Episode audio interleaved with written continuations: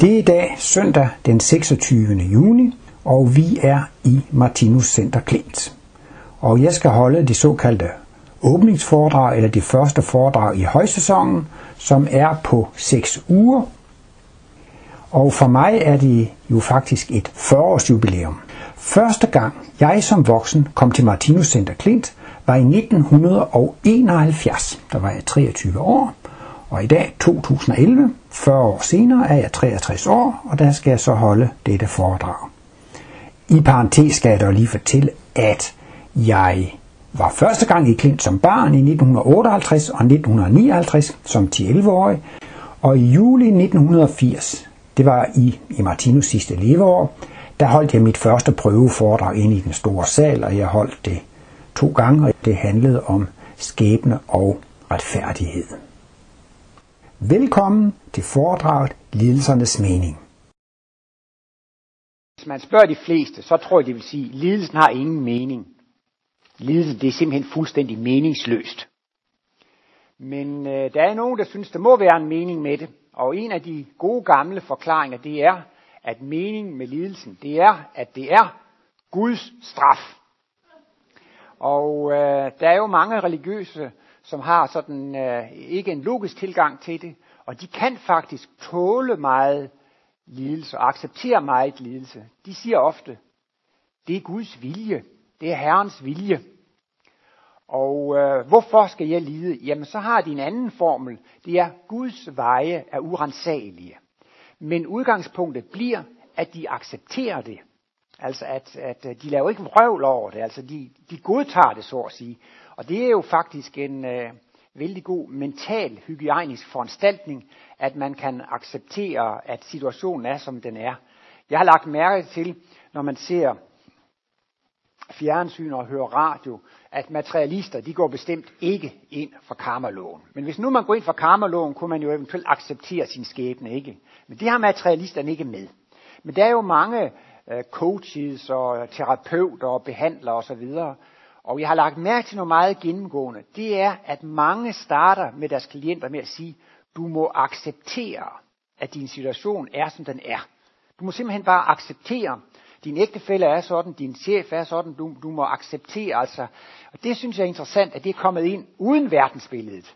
Altså de har fundet ud af i hvert fald, at det er en god ting. Simpelthen bare have accept.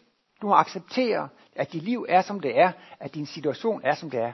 For når de går ind for det, så må det jo fordi, at de har erfaringer for, at det er et godt udgangspunkt at have accept af situationen. Og det synes jeg er interessant med de religiøse, ikke sandt? At selvom de ikke kan forstå det, så ligger der altså noget fantastisk positivt i at have en accept af, at tingene er, som de er. Og det vil jo så sige, at øh, man kan også godt være i stærk lidelse, og have det meget svært. Men øh, så siger man, jamen det er jo Herrens vilje, det er Guds vilje. Jamen hvorfor? Jamen, Herrens vej er urensagelig, det skal man ikke tænke på. Men det betyder utrolig meget, at man kan gå med til, at man har det, som man har det. Der er nogle undersøgelser, især i USA, som går ud på at finde folks sundhedstilstand, eller hvor mange syge der er.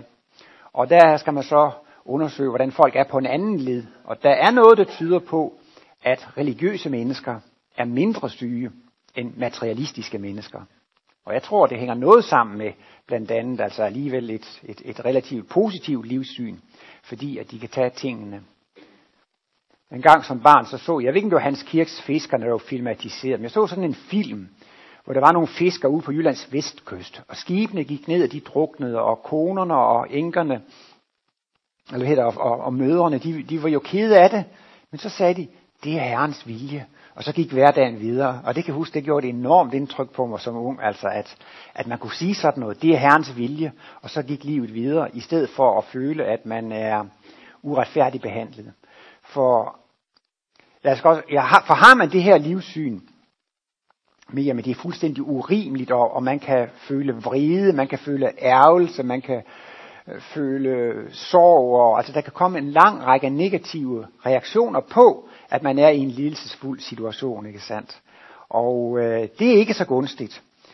Øh, Martinus øh, har jo forklaret, øh, at faktisk så er øh, tankerne tankelivet den aller øh, dybeste grund til vores øh, sygdomme, ikke sandt? Derfor har det altså en meget stor betydning, hvordan man tager sin lidelse. Så på trods af, at de religiøse ikke kan få en logisk begrundelse, så er det alligevel en stor styrke, at de har accept af deres øh, situation. Der var en øh, meget kendt tysk filosof, som hed Leibniz, og jeg tror, han levede der i den første halvdel af 1700-tallet.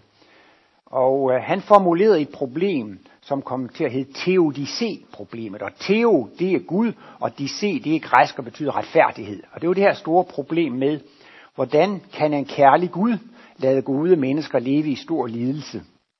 Altså, der var jo mange gudfrygtige og gode mennesker, og paver og præster og pater, og de kunne jo også godt blive syge, og det kunne man jo ikke forstå.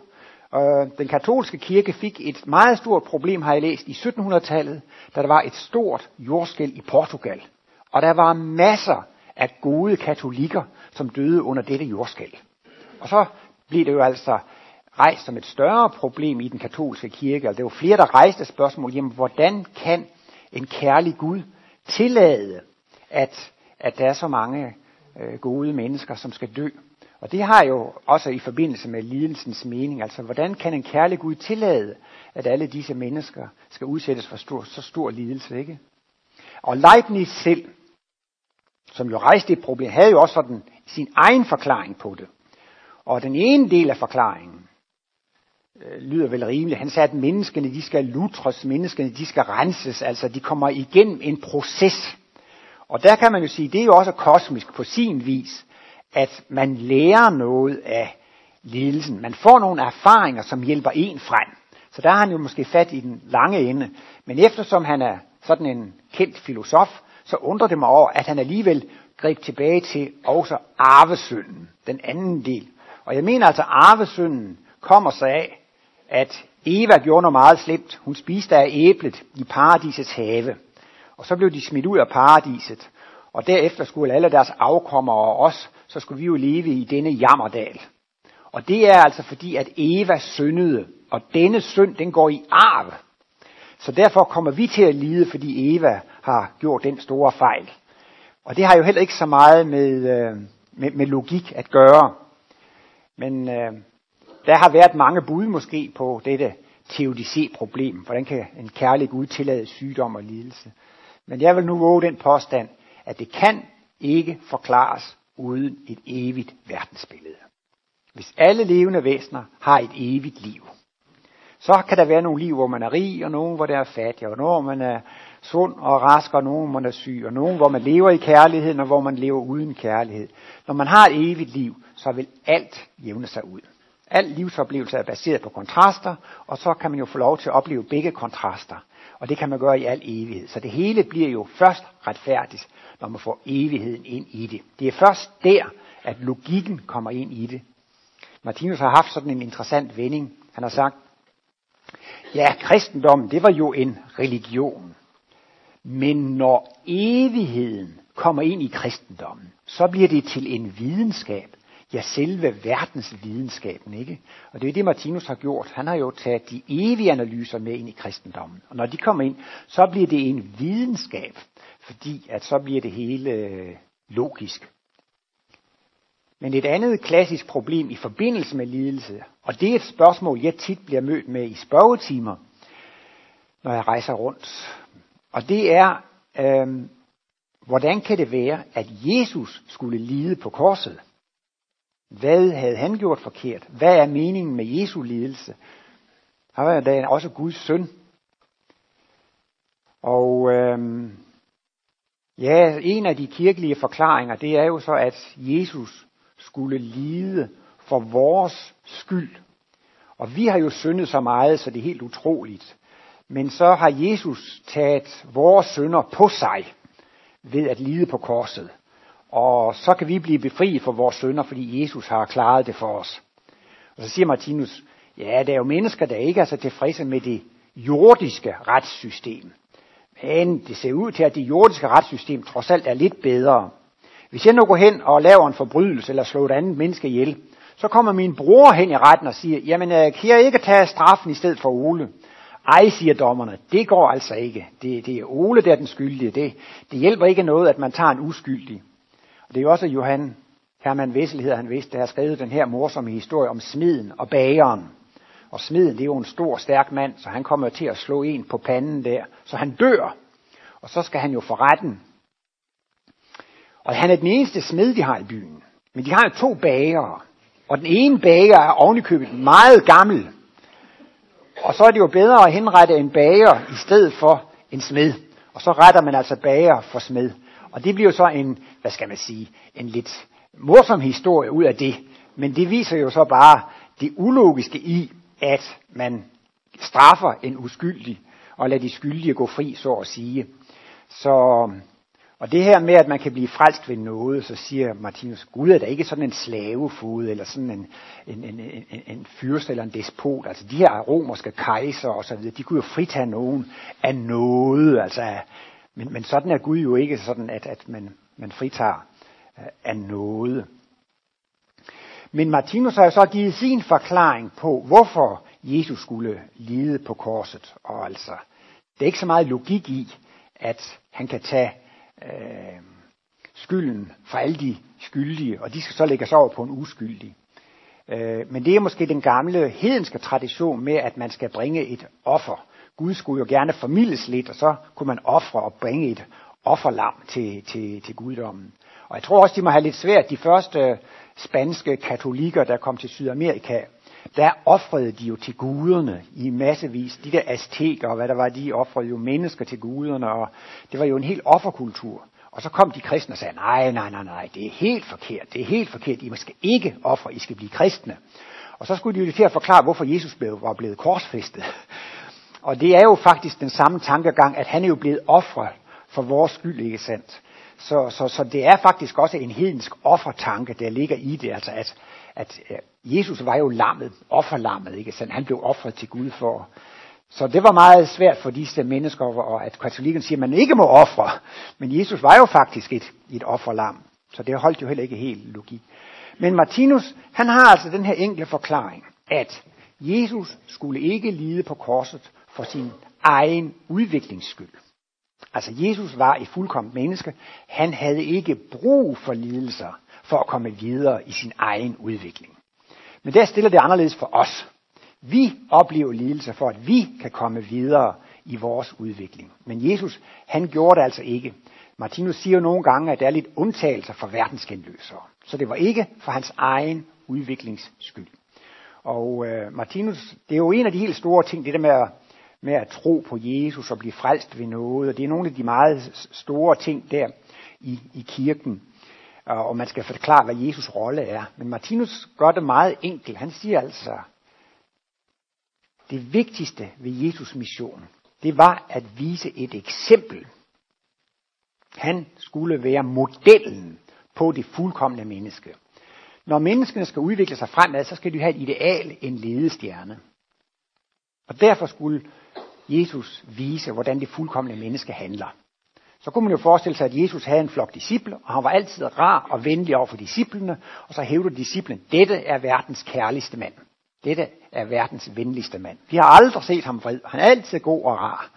Men det er jo ikke sikkert, at det kan overbevise mennesker, at han var venlig over for sine venner. Og øh, så skulle Jesus jo altså vise sin kærlighed selv i den værste situation. Når vi i fjernsynet hører om tortur og bødler, der torturerer deres ofre osv., så, så, så synes man, det er noget forfærdeligt noget, de der mennesker øh, gør disse bødler, ikke sandt?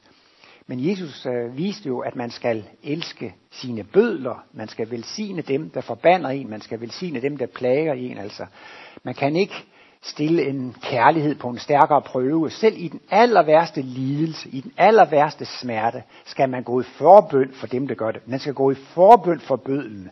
Man skal velsigne bødlen. Altså det er simpelthen toppunktet. Ikke? Det er toppunktet af kærlighed. Og det var planlagt og iscenesat fra forsynets side. På en måde var det altså nærmest ligesom en stor teaterforestilling, ikke sandt? Så man, man, forberede et teaterstykke for at vise noget. Ikke? Og hele den her korsfæstelse på Golgata var forberedt af forsyn for, at Jesus skulle vise denne mentale suverænitet, at man kan tage selv den største lidelse, og så bede for dem, der har påført den, og, og velsigne dem. Det var kernen i Jesu mission, at være model. at, at, at, at vise, eh, hvordan et rigtigt menneske opfører sig. Og i den øh, bog, der udkom i 2004 efter Martinus bortgang, der hedder Den intellektualiserede kristendom, der har Martinus et par kapitler, det er omkring kapitel 30, hvor han skriver, at denne korsfæstelse var øh, en så stor begivenhed, at det var en øh, global begivenhed. Han siger, at jordkloden fik et kosmisk glimt ved korsfæstelsen. I Bibelen forstår man jo, at det er en dramatisk begivenhed. Jorden skælvede, og templets forhæng blev revet over, og månen blev rød som blod, og de døde stod op af graven. Og, ja, med hensyn til med de døde, der stod op af gravene, mener Martinus, at det var andre kristusvæsener, som overværede korsfæstelsen. Og så har der åbenbart været psykiske mennesker der med psykiske evner eller klaverjant evner, som har kunnet se dem.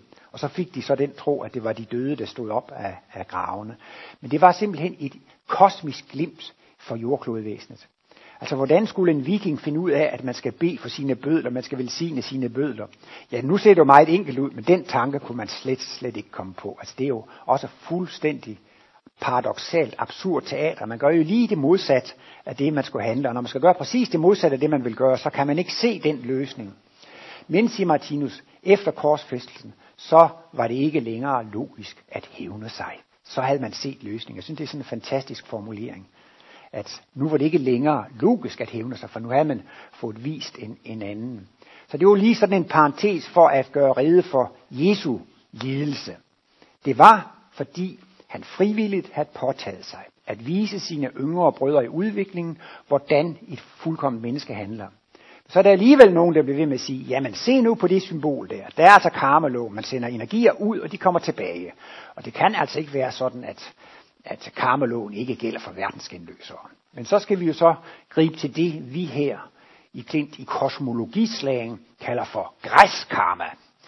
Men øh, græskarma, det er en karma, som øh, ligger langt tilbage, for man skal gribe tilbage til tidligere spiralkredsløb i princippet. Hvad har græsset gjort? Hvad har planterne gjort, siden de skal slås og rives over og ædes og brændes af og trampes på? Og planterne bliver behandlet utrolig robust. De kan da knap nok nå at have gjort noget forkert i det her spiralkredsløb. Men i et tidligere spiralkredsløb, der har vi lavet mange fejl. Men der har Martinus det her med syndernes forladelse, som jeg skal komme meget mere ind på at når man ikke kan gå en fejl mere, så behøver man ikke at få belæring der, så får man syndernes forladelse. Men det vil jo så sige, at der er jo faktisk sådan en masse karma, man ikke får tilbage. Men så stemmer karmaloven jo heller ikke. Jo, men så kan det altså komme tilbage i næste spiralkredsløb, som græskarma. Så det vil sige, på en måde, så havde Jesus jo den karma. Han er jo, det sagde Martinus også, jamen jeg har været den værste tyv og den værste morder og røver. Og det skal man måske passe på med at sige om Jesus, men altså, det kan man jo regne ud, at når vi går igennem hele spiralkredsløbet, så har vi været, så har vi været det, det hele, vi har prøvet det hele. Og øh, Jesus har jo også været et dyr, Martinus har været et dyr, ikke sandt, og, og levet i dyreriget, så, så på den måde, så findes der alligevel nok karma at tage på. Så jeg vil sige, pengene passer alligevel. At, øh, men det, som øh, jeg synes, det er så tankevækkende og inspirerende. Det er jo så enkelt. Det er, der er en mening med al lidelse. Altså man, man går måske rundt og har forskellige problemer og har det lidt svært og sådan noget. Og, ah, det var også ærgerligt. Og bare jeg har gjort det. Bare jeg har gået til læge noget før, så har jeg ikke haft det problem. Og bare lige har gjort sådan og sådan så. Så det var lidt dumt, så derfor skal jeg så uh, trækkes med det nu. Men uh, Martinus han pointerer i den grad i forbindelse med lidelsen, når vi lider, så er det fordi, der er en grund til det. Der er altså en mening eller en grund til, at vi lider. Og det er, at vi skal udvikle os, og at vi skal lære noget. Martinus går jo fuldstændig væk fra det her med, at det er Guds straf. Han mener ikke, at karmaloven er en hævnrobot, eller en hævnmaskine, eller en tilbagebetalingsmaskine. Altså alt det onde, vi har gjort, det skal vi absolut få tilbage til den mindste millimeter. Men det er det, at vi har utrolig mange sider i vores bevidsthed, og vi skal udvikle os til at blive fuldkommende. Der er mange sider i vores bevidsthed, der skal bearbejdes. Hvis vi på et område har en manglende viden, så gør vi fejl på grund af den manglende viden. Og når vi så gør nogle fejl, så giver det karma og skæbne, og så kommer det tilbage. Og så takket være, at vi kan blive lært om virkningerne af vores fejl, så kan vi lære at tage afstand fra vores fejl.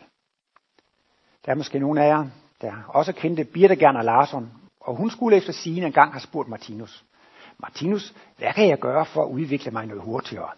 Og så var Martinus i godt humør den dag, så han sagde, du skal bare gå ud og lave en masse dumheder. og det var måske ikke lige det svar, hun havde forventet sig. Men, men logikken i svar, det er jo, jamen hvis man ikke ved bedre, så skal man jo ikke være handlingsforlammet, eller være handlingslammet, og bare sidde bag nedrullede gardiner og ikke turde gøre noget. Man må jo gå ud og handle og være i livet, og have lidt sportsånd, og sige, jamen gør jeg nogle fejl, så, så bliver jeg jo belært om det, ikke sandt? Så hvis I vil udvikle jer noget hurtigere, så kan jeg anbefale jer at gå ud og lave en masse tossede ting og lave en masse fejl. Fordi så kommer virkningerne tilbage, og så bliver I klogere. Så laver I en masse fejl, og så kommer lidelserne, og så bliver I klogere. Men det viser sig jo alligevel, at selvom man ikke anstrenger sig, så serverer livet en masse problemer for en. Så jeg vil måske alligevel ikke anbefale det, at de selv går ud og, opsøger det.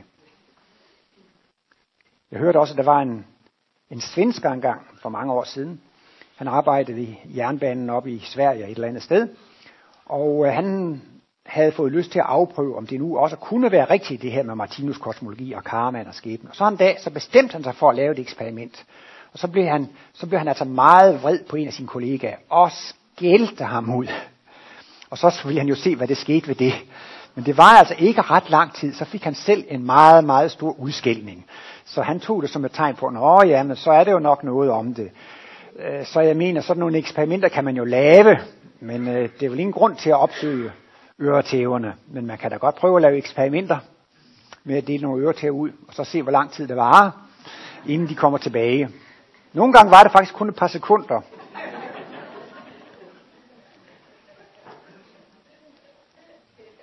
Men altså, disse virkninger kommer tilbage for at lære os noget. Og vi kan have lavet gentagende fejl, og vi bliver ved og ved og ved og ved med at lave disse fejl. Men så en skønne dag, så på grund af denne virkning af lidelserne, så indser man selv, at det er en fejl. ikke? Der er jo sådan et dansk udtryk nu, det hedder, det gjorde så ondt, at jeg ikke ville ønske, at min værste fjende skulle have den her lidelse. ikke? Jamen det synes jeg, der er et fint udtryk på, hvordan man kan udtrykke den her medlidenhed eller medfølelse. Man har oplevet det i den grad på sig selv. Og det var så slemt, at, at man kunne ikke ønske, at nogen skulle have det så slemt. Ikke engang dem, man var rigtig sure på. Der skal også lige komme en anden lille parentes. Man har lavet nogle forsøg med mænd og kvinder. Og, øh, og så har man så øhm, taget nogle skuespillere. Og så skulle de her forsøgspersoner spille kort med de her skuespillere, som var instruerede. Og den ene var instrueret til at være umådeligt sympatisk og venlig, og den anden til at være meget usympatisk og venlig, og som ovenikøbet snød med det der kortspil. Så fik de jo sådan en runde med kortspil. Og så bagefter, så blev så de der skuespillere sat i sådan en eller anden slags løgnedetektor, eller de blev påført noget smerte eller noget lidelse. Og øhm, Øh, så har vi to center i hjernen. En er sådan et slags lystcenter, og det andet det er sådan et slags hævncenter. Og så viste det sig altså hos mændene, når det gik ud over ham, det her snydt, så lyste øh, de der hjerneelektroder op på hævncentret. Hvorimod hos kvinderne, så var det mere udbredt, at de havde medfølelse med den stakkel. Så det er altså videnskabelige undersøgelser, der tyder på, at øh, mænds hævncenter og lystcenter lyser lidt op, når deres fjender, når det går dem, godt, når det går dem dårligt. Så, så jeg går jo ind for, at mænd og kvinder er, er lige udviklede. Jeg har hørt så tit her i Klint, de her fortrin ved kvinderne, hvor, hvor udviklede de er. Men her er et lille videnskabeligt bevis for, at på visse områder, så er kvinder faktisk mere øh, følelsesudviklede end mænd. De kunne faktisk godt have lidt medlidenhed med de der snyde kortspillere, ubehagelige kortspillere, fordi de, de synes alligevel, det var, det var, det var lidt øh, synd for dem. Men altså, smerten og lidelsen, det giver jo medfølelsen. Martinus siger jo i den grad, at smerte, lidelse og problemer, det giver mennesket den mest guddommelige gave, det kan få. Og det er humanitet og kærlighed. Så man skal ikke se bare på smerten og lidelsen og sygdommen, men man skal se på det, den afføder. Og det er simpelthen den største gave, man kan få. Det er kærlighed. Så lidelsens frugt, det er kærlighed. Når man så nu har lært, takket være disse virkninger af ens egne handlinger, at man kan ikke gøre det, man kan indse det, man skal ikke gøre det, og man kan ikke af sit hjerte øh, bringe, bringe det til udfoldelse mere. Så er spørgsmålet, hvorfor skal jeg have mere lidelse på dette område? Altså, hvis jeg nu har delt 117 øre til ud, og når jeg får 53, så har jeg lært at holde op. Hvorfor skal jeg så blive ved med at have det, disse øretæver? Fordi nu har det ikke længere noget formål. Så længe lidelsen har et formål, at jeg kan lære af det, så får man lidelserne. Men i det øjeblik, at man ikke kan lære mere af det, så vil det faktisk være absurd teater, at man skal have lidelse tilbage. For man kan jo ikke lære mere af det, man har lært det. Så begynder det faktisk at blive sadisme. Så ville Gud jo være en sadist, fordi Gud tillod, at vi fik så at sige en unødvendig smerte, en formålsløs smerte, en meningsløs smerte. Og der træder så den her ind, det hedder søndernes forladelse. Så bliver vi fritaget for virkningerne af dette. Det er sådan en lidt speciel analyse, men så kan de så eventuelt komme til udfoldelse næste gang, vi skal være planter. Så har vi sådan lidt startkapital at, at komme ind i den fysiske verden med. Men jeg synes alligevel, det er en stimulerende tanke, hver gang man har besvær og så videre at tænke på, det har en mening. Så altså, det er ikke nogen, som lider på grund af en, en tilfældighed, på grund af en lille dum fejl, eller fordi de andre er dumme, eller så videre. Altså, der er virkelig en højere mening med enhver form for lidelse, som vi, øh, som vi oplever. Og der kan selvfølgelig være lidelser på forskellige områder. Der kan jo være fysiske lidelser, og der kan jo også være øh, psykiske lidelser. Men øh, når disse ting ikke kommer tilbage, så forklarer Martinus også i, i nogle af analyserne, at vi har en aura. Vi har jo altså et kraftfelt, en, en, en, en elektrisk udstråling, en åndelig udstråling. Og efterhånden, som vi har fået mere lidelse, så får vi mere medlidenhed, og så vokser aurans kvalitet. Og det er faktisk denne auras kvalitet, der bestemmer, hvor meget det kan gå igennem. Jeg er jo lidt interesseret i håndbold, må jeg indrømme. Og nogle gange, når det er for store huller i forsvar, så kommer modstanderne og scorer. Så det gælder om at have et tæt forsvar. Men sådan forestiller jeg mig så også, at det kan være lidt huller i auraen. Og det er så netop på de områder, hvor man er uudviklet. Så har man ikke den beskyttelse. Og det er så der, karmaen kan slå ind. Men har man så øh, en god aura, så kan den ikke slå ind. Martinus har faktisk også forklaret på kosmisk grundlag det her, det her talemåde.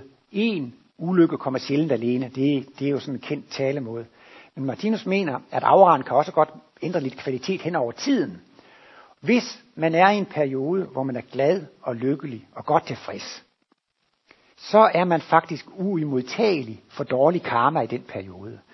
Men hvis man så virkelig får et stort problem og bliver destabiliseret og kommer i ulige vægt osv., så kommer der et nyt problem, og så bliver man jo endnu mere usikker osv. Altså så, så falder på en måde også øh, afrens kvalitet eller modtageligheden stiger, ikke sandt? Så er det ligesom så, så bliver der mange store huller i forsvaret, og så kommer det altså ind på den måde.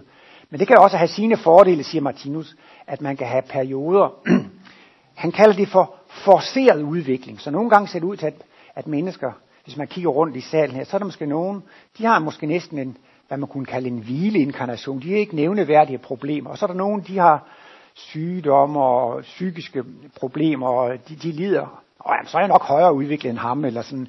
men vi ved ikke, hvad de andre har været i tidligere liv, og hvad de har i kommende liv, og vi selv har været igennem, og hvad vi skal, skal igennem. Så det kan man ikke sådan lige bedømme på, på, på et liv. Men altså, øh, Martinus omtaler det her fænomen forceret udvikling, og der får man så altså mange lidelser og meget koncentreret lidelse. Og så bliver han selvfølgelig spurgt, jamen hvorfor findes der forceret udvikling? Altså under denne forcerede udvikling udvikler han sig meget hurtigt. Jamen så siger Martinus, det er fordi, at det er også en del, det er også underkastet kontrastprincippet og kredsløbsprincippet. Hvis nu for eksempel man har arbejdet og arbejdet hårdt, så drømmer man om at få ferie. Hvis man har arbejdet hårdt, så drømmer man om hvile. Altså når man har arbejdet hårdt, så er det skønt med hvile. Det kan også være, hvis man er gået i tomgang for lang tid, været arbejdsløs eller ikke lavet noget, og det bliver ved og ved, og det er kedeligt, så længes man efter at komme i gang med at arbejde. Har man løbet hurtigt, så vil man gerne hvile sig. Har man hvile sig længe, så vil man gerne ud og røre sig. Og det vil også være lidt kedeligt, hvis al udvikling gik præcis med den samme hastighed, med en monoton hastighed. Så nogle gange, så går udviklingen faktisk hurtigt. Og det er så i de perioder, hvor man får koncentreret lidelse. Og så kan der så være andre. Martinus er også inde på det her med øh, at øh, anbefale vegetarismen. Og øh, i forbindelse med vegetarisme siger Martinus, der kan være to gode grunde til at blive vegetar. Og for det første, så er det sundhedsmæssige aspekt. For løver, tiger, hunde og katte, så er kød sundt. Men mennesken har nået sådan et højt udviklingstrin og sådan et fint vibrationsniveau, at kød er ikke længere sundt for os. Så det er vigtigt at blive vegetar for sundhedens skyld. Og så siger Martinus, det har også et skæbnemæssigt aspekt, et karmisk aspekt, hvis vi kan nænde at slå dyrene ihjel. Så oplever dyrene det jo altså, at de har blivet slagt, det oplever de som en ulykke. Og så er vi ikke selv beskyttet mod ulykker. Så det kan være ulykker på, i hjemmet og på arbejdspladsen, men det kan også være trafikulykker og flyulykker osv. Så Martinus anbefaler, at man bliver vegetar, hvis man vil have beskyttelse imod øh, mod ulykker. Øh, så, så mm, ja, altså det er jo ikke fordi Martinus han, han, øh, han kritiserede jo ikke folk, fordi at de røg, eller fordi de spiste kød, og det skal man jo gøre, som, som man føler. Og øhm, Øh, jeg plejer også at referere til Krishnamurti. Der kom en gang en ryger til den kloge mand, til vismanden Krishnamurti, og han sagde, jeg kan ikke holde op med at ryge. Og så spurgte han, hvad skal jeg gøre? Og vismanden svarede, så må du jo fortsætte.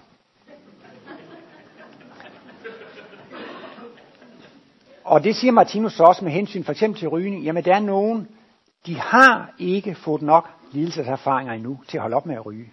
Og så er det sådan set ikke noget at gøre, og ikke noget at bebrejde dem. Altså, man er et eller andet sted i udviklingen, og det kan også godt være nogen med hensyn til kød eller alkohol eller så videre, de har ikke fået nok erfaringer til at kunne holde op, og så må de selvfølgelig fortsætte. Der er ingen, der er bedre end andre. Vi skal jo faktisk have den samme erfaringssum for at, at lære at, øh, at, at holde op.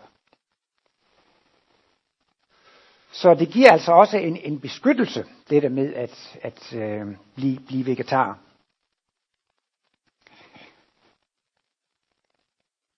Det her med lidelsens mening, det er jo så, at man kan øh, på en øh, teoretisk basis, så kan man så begynde at forstå, at der er nogle sammenhænge, altså at der er logik i det, at de energier, jeg sender ud, de kommer tilbage. Og jeg er ubeskyttet mod dem, så længe jeg ikke har fået lidelser nok. Så vi oplever måske tit, når nu har jeg løst det problem, så kommer der et nyt problem. Så løser man det problem, og så kommer der et nyt problem. Det ser ud til, at det er en endeløs række, og man aldrig kommer ud af det. Men det gør man altså. Jeg sammenligner det lidt med den gang, jeg havde en studiegæld. Ikke? Så hver måned betaler man af. Men en skønne dag, så er gælden altså ude af verden. Det er ikke en endeløs proces. Det holder op en skønne dag.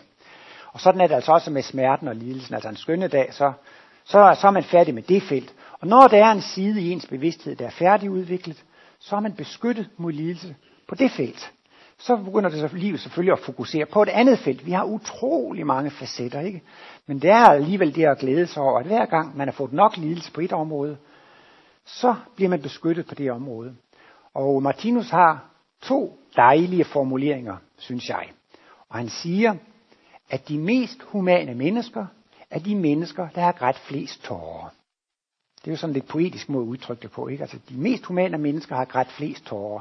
Og det viser jo så altså også, at dette, at græde disse mange tårer, det har en virkning. Man skal ikke bare kigge på smerten og lidelsen, men den virkning, det har, ikke sandt? Og så siger han en anden sted, vi er i human henseende ikke mere end det, vi har grædt os til. Altså, den humanitet, vi har, er skabt af erfaringernes vej, ikke sandt? Og den der medfølelse. Og nogle gange, når man ser fjernsyn, så bliver man jo så deprimeret af at se al den lidelse, folk har under krigen, ikke sandt?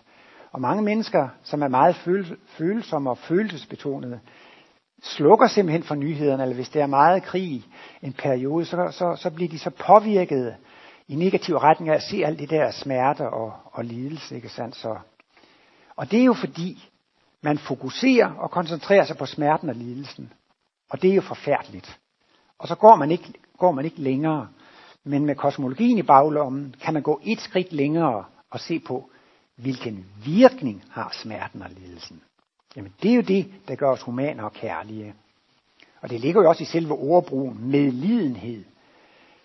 Det betyder jo, at man kan lide med andre. Ikke? Først lider man selv, og bagefter kan man lide med andre. Og når man selv har følt smerten og lidelsen, ikke, så kommer det jo bagefter, kan man føle med de andre. Ikke? Og medlidenhed eller medfølelse, det er jo det samme som humanitet og kærlighed.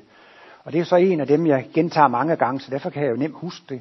Og det er så netop, når man ser de her krige og ødelæggelser i fjernsynet, ikke sandt? Hvordan skal man holde ud og se på det, ikke sandt? Og så er det så med Martinus' kosmologi i baggrund, sådan siger jeg, ja det er selvfølgelig Martinus, der siger det, Men jeg kan ikke lige sige, hvor det er, men det er altså, sådan skaber Gud rigtige mennesker. Sådan skaber Gud rigtige mennesker. Det vil jo sige, at man skal have det guddommelige ind i det, når man ser smerten og lidelsen. Og der kommer vi så også til smerten, altså lidelsens mening, ikke? Altså, den har en mening. Så når vi ser al den smerte og lidelse i fjernsynet, ikke sandt? det er ikke meningsløst. Men ikke nok med, at det har en mening, altså det er guddommeligt, altså det er en, det er en højere guddommelig magt, en højere guddommelig kraft bagved det. Og netop på denne måde skaber Gud rigtige mennesker. Og der er der så også, jeg synes, det bliver helt suverænt, hvis man kan begynde at anvende det på sin egen krop. Så har man selv nogle store problemer. Og så siger man til sig selv, nå, det gør ikke noget. Sådan forvandler Gud mig til et kristusvæsen. Så har man ondt i maven, og så er man syg der. Tænk, det er sådan Gud forvandler mig til et kristusvæsen. Og så får man mere smerter og lidelser og problemer. Det var dejligt. Nok en et skridt mod Kristusstadiet. Så jeg vil jo sige, at et første skridt, som er meget stort, det er, at man logisk kan indse, at der er en mening, ikke sandt? Og det er jo, vil jeg sige, det er måske mere en intelligensmæssig præstation, altså en analytisk præstation, ikke? Men det er altså virkelig godt for ens egen mental hygiejne, hvis man i alle de situationer kan komme ind på at analysere sin egen situation, og så forhåbentlig kommer man til, at der er en mening, en mening med det. Og der skal jeg måske også lige komme med, med, med, med, med en parentes, at øhm, når man nu holder de her for, så har lagt mærke til, at der er mange kosmologiinteresserede, som har en eller anden sygdom, som bliver helt desperate over, at de kan finde ud af, hvad er årsagen til min sygdom? Jeg må finde ud af det. Hvad er det for en fejl, jeg laver?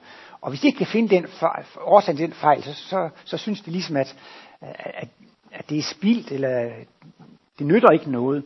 Men der er det altså sådan, at smerten og lidelse, den virker, uanset om man forstår det eller ej. Hvis man sparker og slår dyrene, det kan de jo ikke forstå, hvorfor og hvordan og så videre. Men det virker ind på dyrene. Dyrene, de oplever jo også meget smerte og lidelse. Så det, det er der heldigvis det gode ved det. Det kan man altså trøste sig med. Altså hvis man er syg og lider meget, og det gør meget ondt, ikke sandt? Det virker uanset om man forstår det eller ej. Uanset om man kan huske det eller ej. Martinus fortæller jo også tit om de her soldater, som er blevet pacifister. Så, så, så, så, bliver de, så kommer de unge mennesker ind i hæren, ikke sandt? Og så kommer de i krig, og så bliver de slået ihjel, og så bliver de født igen, og så bliver de indkaldt til hæren, så kommer de i krig, og så bliver de slået ihjel. Og det gentager han så nogle gange. Men til sidst, så har de altså i sig, de vil ikke i krig, men de kan ikke huske det. De har ikke nogen intellektuel forståelse af det. De har ingen hukommelse om det. De ved bare, jeg vil ikke have et lat skydevåben i mine hænder. Det er det. Så det virker altså. Så, så man skal ikke være helt desperat, selvom man ikke kan finde årsagen til ens fejl. Det har altså en virkning. Men det er selvfølgelig godt, hvis man kan komme på, hvad årsagen er. Og øh, Martinus har jo også nærmest lavet sådan en lille totrinsraket. Man kan også, hvis man har en, en lidelse, en sygdom, bede om et, at, øh, at få at vide, hvad årsagen er til den her sygdom. Hvis man intens beder om, hvad er årsagen til min syg- sygdom, så kan det være, at man lige kommer til at sappe ind på en tv-udsendelse. Man hen på apoteket lige kommer til at åbne et sundhedsblad, eller at, at man lige drømmer ind i det. Og hvis man så altså finder årsagen til det, så kan, be, kan man bede om hjælp og kraft og styrke til at bekæmpe årsagen til denne, til denne sygdom. Ikke? På det. Og øhm, denne nye symbolbog med 33 symboler, femte symbolbog. Det, der er det usædvanlige ved denne symbolbog, det er, at alle symbolerne handler om, om sygdom og helbredelse i kosmisk belysning. Og Martinus går ikke ned i detaljer med alle enkle sygdomme, men han kommer alligevel med mange øh, forklaringer på principperne i det, og der kan man også langt hen ad vejen selv komme til at forstå principperne i det. Og, og altså dybest set, så skyldes al sygdom en eller anden form for fejltænkning. Og det skyldes også mangel på kærlighed. Mangel på næstekærlighed. Men der er det jo, Martinus udvider næstekærlighedsbegrebet til også at omfatte organer og celler og molekyler og endnu længere ned i, i, i mikroverdenen. Og det vil så sige, at ja, Martinus siger i, i en artikel, der er mennesker, de er meget humane og venlige over for andre mennesker. Og de er vegetarer og lever sundt. Men alligevel så er de syge og ulykkelige. Det er så fordi, de har forbiset det tredje store skæbneområde. Martinus siger, at mennesket skaber skæbne på tre store områder. I relation til mennesker, i relation til dyr og i relation til mikrokosmos. Og det skal man så også lære at tage hensyn til. Og man kan mishandle sit mikrokosmos med tobak og alkohol og narkotika og usund spise og medicinmisbrug. Der er mange måder af fysisk vej, man kan mishandle sit mikrokosmos, og så kan man mishandle sit mikrokosmos ved at have forskellige tanker, og det kan så øh, give sig øh, udslag i forskellige sygdomme. Så der er måske en chance for, ved hjælp af bønden, at få at vide, hvad er årsagen, og hvordan kan jeg bekæmpe årsagen, og ved at kigge lidt i den kommende symbolbog. Det står selvfølgelig også andre steder i livets bog, så det er jo ikke så, så vigtigt, at det lige bliver der. Men, øh, men det jeg gerne vil betone, så man også lige kan sænke skuldrene og slappe af, det er, det virker. Sygdommen virker, smerten virker, lidelsen virker, uanset om man forstår det eller ej. Det afsætter denne humane virkning. Men altså, når man har lavet en intelligensmæssig analyse, så skal der ligesom også noget følelsesmæssigt med. Og det mener jeg kommer altså i ens forhold til Gud. At, altså, at, øh, at man kan takke Gud for den smerte og lidelse, man har. Og at man kan takke de mennesker, som har påført en smerte og lidelse. Det er muligt, at man ikke skal gøre det rigtigt ude i den fysiske verden. Det kunne jo være en enorm provokation. Men øh, det er ikke øh, Altså hvis der er nogen, der gør noget stygt mod en, så kommer her og takker. De tror jo, det er en udsøgt spydighed, og at man er ironisk over alle grænser. Men man kan jo gøre det i sine tanker. Martinus sagde også, at der er jo mange mennesker, som jeg gerne ville omfavne og kærtegne. Det kan jeg jo ikke gøre, men det kan jeg jo gøre i mine tanker. Så det kan man altså også godt gøre i sine tanker. Altså man kan gå i forbøn for dem, der er imod en. Og, altså, og man kan også takke dem. I virkeligheden er ens såkaldte fjender, ens uvenner, dem der er ubehagelige over for en. Det er de mest det er de mest værdifulde mennesker i min udvikling. Og tænk sig, hvor ædle de er, alle disse ubehagelige mennesker. De gør disse ting for at bringe mig frem i udviklingen, og samtidig påtager de sig selv en dårlig karma. Det er dog ædelt, at de gør det for min skyld. Men øh, jeg mener altså også, at, at når man er, er syg, man har smerter og lidelser af psykisk eller øh, fysisk vej osv., det er altså den lyseste magi, den højeste magi, man kan, det er altså at være taknemmelig over for guddommen. Altså at, at det kan være, at man har stor smerte og stor lidelse osv., men hvis der er nogle øjeblikke, hvor man er klar og ikke, ikke så præget af det, så har det altså en utrolig stor betydning, at man kan være taknemmelig for, at Gud, så at sige, bakser og as og maser med mig, bare med det formål, at jeg skal forvandles til et kristusvæsen. Alt hvad jeg gør, det er ikke bare det, der har en mening, men det har en velsignelsesfuld mening. Det skal hæve mig op til et, til et højere stadium, til et kærlighedsstadium. Så det er jo måske den bedste og den største medicin, man kan have ved at føle denne taknemmelighed. Og så er der nogen, der særligt spørger, hvor skriver Martinus det henne? Og nu har jeg fundet det gang, men nu kan jeg ikke lige huske skriftet helt præcis. Men jeg kan i hvert fald huske, at det er anden symbolbog. Et eller andet sted i anden symbolbog, der skriver Martinus, at vi burde faktisk takke for alt det ubehagelige osv. Øh, det er også en god ting at være taknemmelig, for man kan være i klint, man kan spise dejlig mad, man kan nyde naturen, og har man et lidelse og et mørkt sind, så er det faktisk en god øvelse at tænke på alle de ting, man er glad og tilfreds med, og takke for det. Men kan man så oven i købet også takke for, for alt det ubehagelige, ikke? Og som sagt, at forstå lidelsesmening, det giver jo en den intellektuelle begrundelse for, at man kan takke for smerten og lidelsen. Det følelsesmæssige kommer jo med, når man, når man kan takke. Og kan man så takke for alt det behagelige, og man kan takke for alt det ubehagelige, så er man jo virkelig på vej mod den øh, mentale suverænitet, som Jesus kunne præstere. Tak.